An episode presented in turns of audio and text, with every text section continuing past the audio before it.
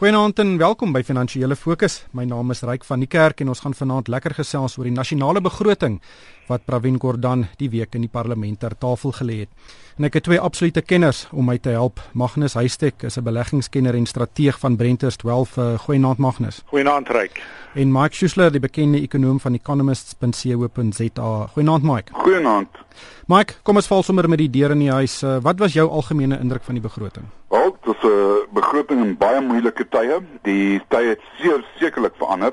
As jy kyk vir die volgende 3 of die 3 jaar uh vooruitskattinge wat hulle eers gehad het vir hierdie tydperk en sluitende verlede jaar is 3.6. Nou is dit 2.6 en waarskynlik nog op pad af.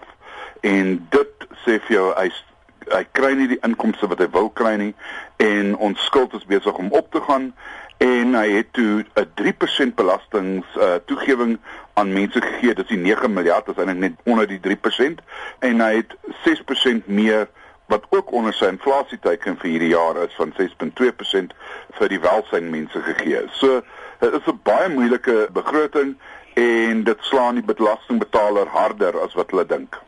Uh, Magnus? Ek wil byvoeg dis 'n watertrap begroting want ek weet die Davies kommissie kyk na baie aspekte van die belastingbasis en ek dink die fokus van daai kommissie gaan wees om alternatiewe bronne van inkomste te kry. Soos Mike sê, die ekonomie is onder druk, die inkomste bronne is onder druk en en daadwerklik, ek dink die nuwe kommissie gaan kyk na waar kan ons meer geld uit die stelsel tap. Kommerwekkend is dat 158 000 belastingbetalers betaal omtrent 45% van alle persoonlike inkomstebelasting. Dis 'n skrikwekkende lae aantal mense wat die belastinglas dra en daai las word net groter. Hmm. Maar my kom ons begin by die die groot probleem wat die regering het en dit is uh, sy staatsskuld, um, stygende hmm. staatsskuld. Vir die komende boekjaar weet sommige mense verwag dat dit tot amper 50% kan styg en as Suid-Afrika 'n BBP het van 3,2 trilljoen rand, dan kan daai skuld baie maklik 1,5 of 1,6 trilljoen rand wees wat 'n geweldige hoeveelheid geld is. Nee, dit is so. Kyk, ek meen, kom ons stel dit so uit. Eers gesê toe hy in bewind gekom het, hy gaan nie oor 38% staatsskuld nie en hy het gepraat van bruto staatsskuld. Deesdae het hy die woorde wat hy gebruik in die ehm um, begroting oor staatsskuld verwys na netto staatsskuld. En nou sê hy al dit gaan nie oor so wat 44.3% of uh, definitief nie oor 45% tipe van nie. Maar eintlik as jy teruggaan na die bruto, is ons op pad na 48.5 volgens sy begroting en sover maak ons eintlik net meer staatsskuld as wat ons gesê het ons gaan. Dit sou kom ons afgegradeer gaan word waarskynlik in die volgende paar jaar. En uh, ons staatsskuld groei vinniger as meeste lande daar buite en dit is die probleem wat ons heidaglik het en dit gee hom ook min ruimte. Met ander woorde sy totale reële spandering is 2% op op die nie staatsskuld kant nie, maar die staatsskuld is die groot ding wat sy uh, uitgawes opjaag op die huidige stadium. En natuurlik gaan die rentekoerse ook daardeur styg. Hmm. Maar 48%, hoe, hoe groot is dit in 'n internasionale konteks? Weet vergelyk dit goed of sleg met ander lande se um, um, staatsskuld vlakke? Ek sou so antwoord, die ontwikkelde lande se staatsskuld is hier by die 100% van BBP. Die ontwikkelende lande sine is net so onder die 40%, maar albei word minder. Ons op die huidige stadium is nou al bo 40% en groei.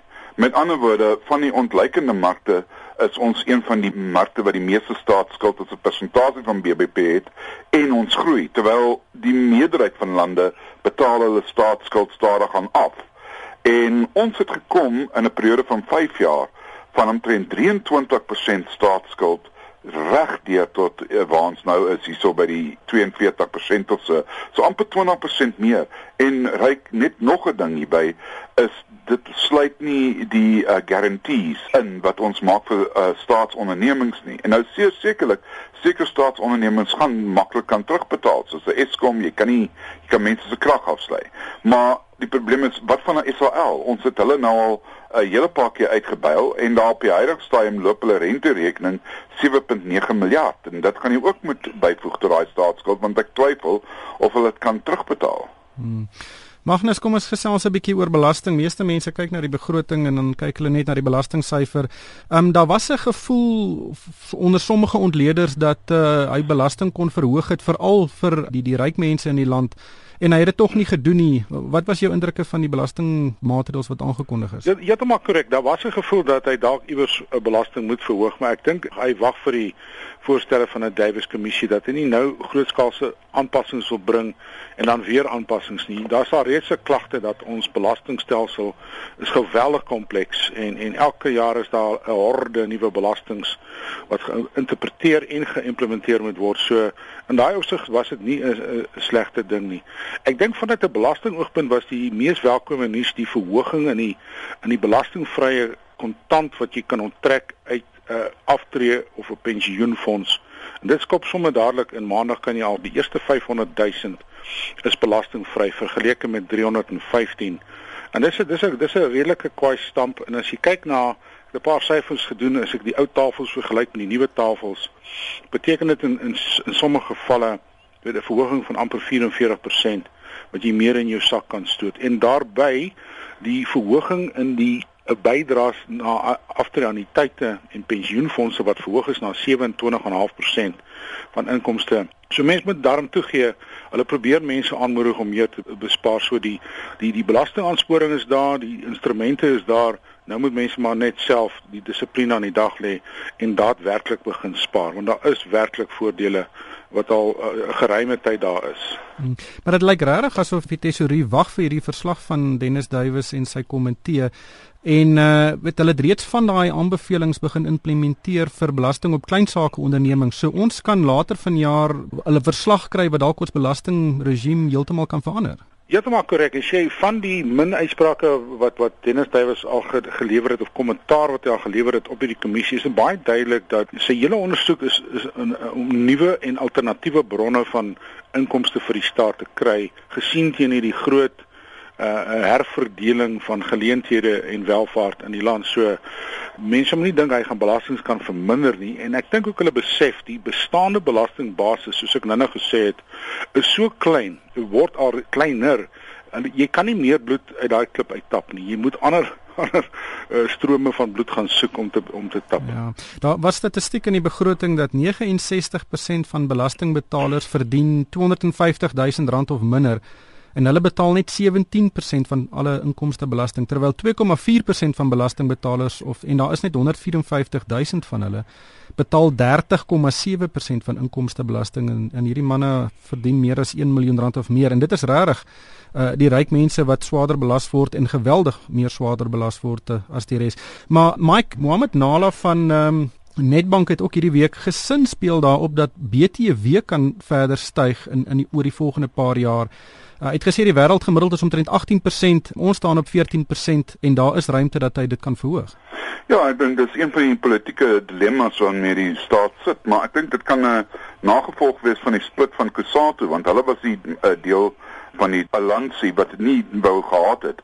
Dit moet gebeur nie en ek dink nou dat hulle gaan verswak wees, is dit een van die moontlikhede wat ons sal moet kyk want die punt in Suid-Afrika is is daar baie meer direkte belasting. As jy gaan kyk uh, na maatskappybelasting oor die uh, sê die 10 jaar van 2000 na 2010, hy syfers is effens agter uh, op 'n wêreldbasis.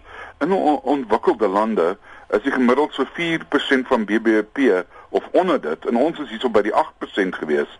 So ons is dubbel die wêreld gemiddeld met 'n uh, maatskappybelasting waar ons belasting intree vir persone is ook relatief uh laag veral as mense dit uh, in die groter prentjie kyk van die wêreld maar daar is net te min verdieners in Suid-Afrika.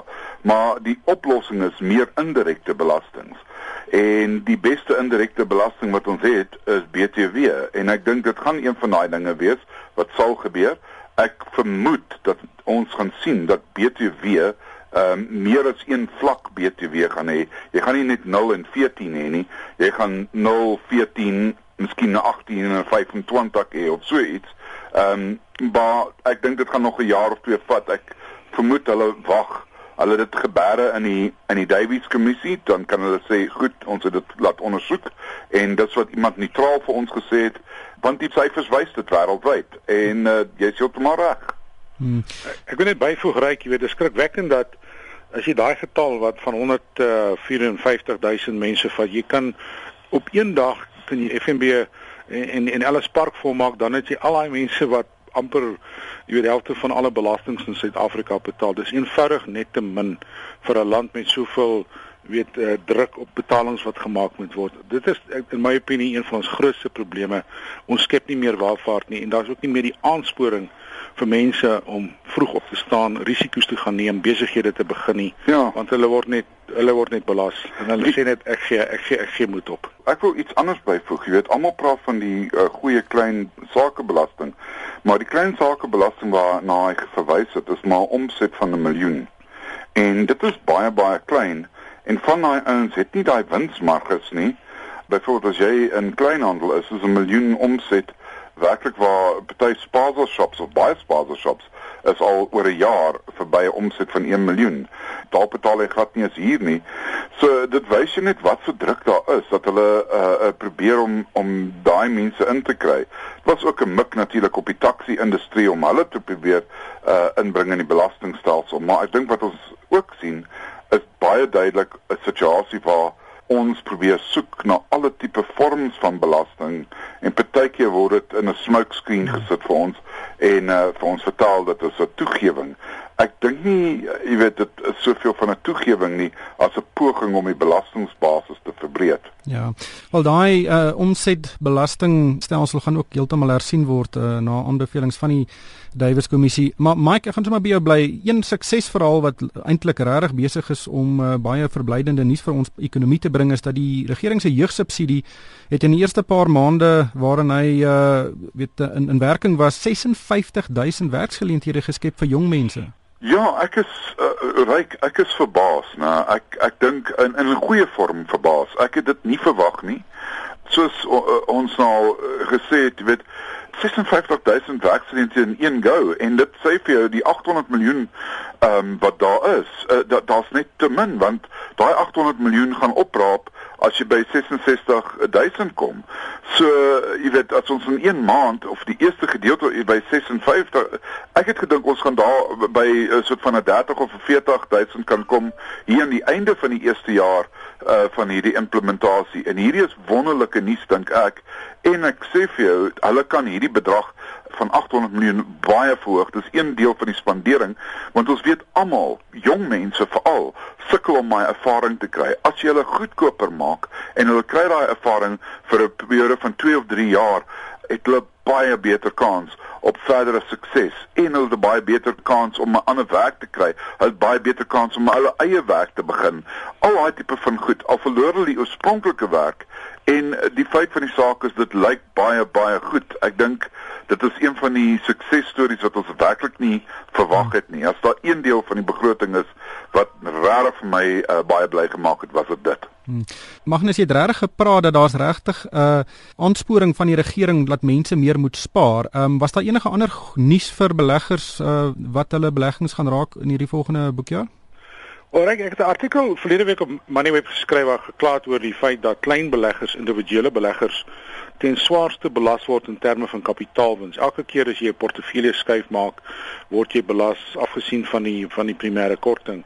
So daar was verwysing na 'n nuwe spesiale spaarinstrument. Nie veel detail in hierdie stadium nie. Ek weet hulle praat al geruime tyd daarvan dat jy tot en met R30000 per jaar in so 'n nuwe instrument kan gooi en enigiets dan kan sit aandele, staatsobligasies, uh vaste rente draande op beleggings en jy sal vrygestel wees van kapitaalwinsbelasting en ook rentebelasting met 'n totale leeftyd uh, maksimum van 500 000. Dis weliswaar nie baie nie, maar dit is 'n begin want die bestaande manier hoe individuele beleggers uh, belas word maar nie die groot institusionele beleggers nie is is totaal diskriminerend teenoor die klein beleggers. So dit is nogal ons wil net meer detail wil sien maar dit is nogal goeie nuus ook. Ek, ek dink daar's een ander ding die minister is baie pro spare moet ek sê en ek dink dit is 'n 'n ding wat hy probeer het ryk en uh weet hy besef te die dat baie mense in Suid-Afrika net gaan spandeer en met daai spandering kry hulle self in die moeilikheid waar hulle groot skuld probleme ontwikkel dan kry hulle garnishee orders soos julle al baie berig het op Moneyweb en dis 'n soort van teenkanting wat die minister probeer vir my maak vir mense sê kyk uh hoekom spaar jy nie 'n bietjie eers nie en dan kan jy nou bietjie verder as dit kyk. Ek dink dit is 'n hy probeer daarmee so half 'n kultuur skep vir die uh mense bewerkstellig wat nie so baie belasting betaal nie. Met ander woorde sê kom ons sê rolweg die mense onder die 250 000 kerk waarvan jy voorheen gepraat het. Hmm. Magnus uh, aan die einde van Gordhan se toespraak het dit gelyk asof hy groet. Nou weet daar's baie spekulasie in die mark dat uh, Tito Mboweni by hom gaan oorneem, maar Gordhan het in sy termyn eintlik en sy paar termyne eintlik baie goed gedoen. Wat is jou indruk? Het jy daai selfde gevoel gekry dat hy gegroet het? Daar was so gevoelens en daar's natuurlik uh, gesprekke daarvan in die mark al geruime tyd, maar 'n mens moet ter verdediging van Gordhan, hy het letterlik soos hy self gesê het, eh, 'n uh, klassieke ambulans uh, uh, aangegee gekry. Jy weet, uh, toe die krisis bars toe sy skielik minister van finansies. En ten tweede, jy weet, 'n minister van finansies is net so goed soos die politieke ondersteuning wat hy van sy leier kry. En en ek dink ehm um, dit is moeilik om te sê maar dit, dit daar's nog 'n gebrek aan visie in ons in ons begroting in terme van werkskepping. Ek gaan deur hierdie begroting en verlede jaar se begroting.